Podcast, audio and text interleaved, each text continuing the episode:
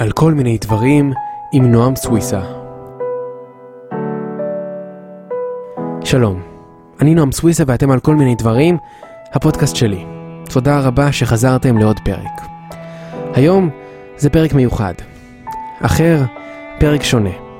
כפי שהבנתם מהכותרת, זהו פרק מיוחד ליום הזיכרון, לשואה ולגבורה. היום אני רוצה לספר לכם על ילד אחד. ילד אחד מתוך מיליון וחצי הילדים, מתוך ששת מיליון היהודים שנרצחו בשואה. דרך הילד הזה אנחנו ננסה לזכור את כולם.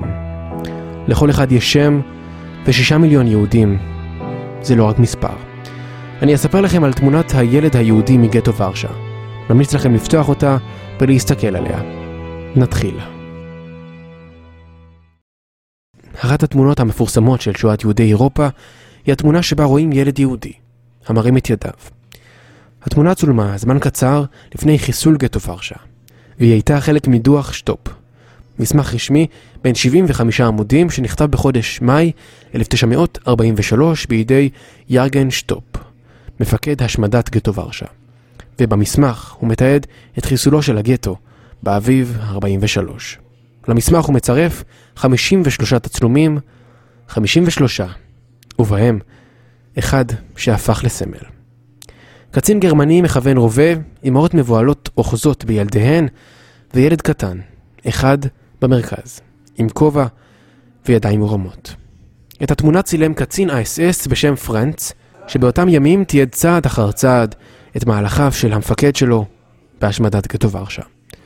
באותו הבוקר הוא הרים את המצלמה ולחץ קליק אחד, וזה מה שהוא תיעד. את האנשים האלה, את הילד עם הידיים המורמות. התמונה צולמה כנראה בסוף אפריל ובתחילת מאי של שנת 1943, ובכיתוב לתמונה רשמו חברי הדוח, הוצאו מהבונקרים בכוח. לאחר הצילום הועלו כל היהודים שבתצלום לרכבת המשא, שתיקח אותם לכיכר המשלוחים, ומשם, בדרכם האחרונה, למחנה ההשמדה מיידנק, או טריבלינקה. והנה, השמות והאנשים מאחורי הפרצופים. האישה שמשמאל הילד היא חנה זיילינוורגר. הילדה שבשמאל התמונה היא חנה למט, שנרצחה במיידנק. ולידה אימא, מטילדה למט, אשר ניצלה, עלתה לישראל והקימה משפחה. האישה שמאחורי הילד זו אותה כגולדה, תושבת פולין, שגם היא ניצלה, עלתה לישראל והקימה משפחה. החייל הגרמני המכוון את נשקו הוא יוזף בלשה, רב טוראי באס-אס, שנודע לשמצה באכזריותו. ונשאר הילד. ואני קורא לו הילד כי לאחר שזהויותיהם של כמעט כל המצולמים בתמונה המפורסמת מגטו ורשה נחשפו, עדיין לא נמצאה זהותו המדויקת של הילד הניצב במרכזה. ואני אומר זהותו המדויקת כי עלו מספר השערות לגבי זהותו, וביניהן לוי זינאורגר, שנספה בשואה וזוהה על ידי אביו, אברהם, שעלה לישראל. חלק חושבים שזה צבי נוסבאום, שנולד בשנת 1935 בתל אביב, שרד את מחנה ברגן בנזל והפך לניצול שואה. הוא נפטר ב-2012 בארצות הברית. או שזה אולי אריה סימונסון, שהפך לניצול שואה ונפטר ב-2017. אפשרות אחרת אומרת שזה ארתור דבס מיוטק, נולד בשנת 1935 ובנם של ליאון ושרה. והאפשרות האחרונה היא ישראל רונדל. עוד פרטים עליו לא נמצאו.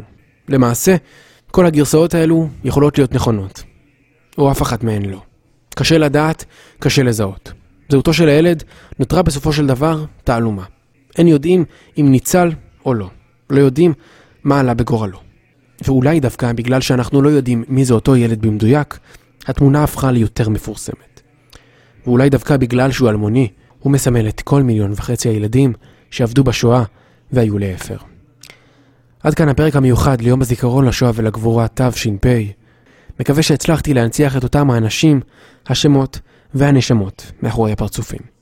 תודה שהייתם איתי, אני הייתי נועם סוויסה, אתם הייתם על כל מיני דברים, נשתמע בפרק הבא. על כל מיני דברים עם נועם סוויסה.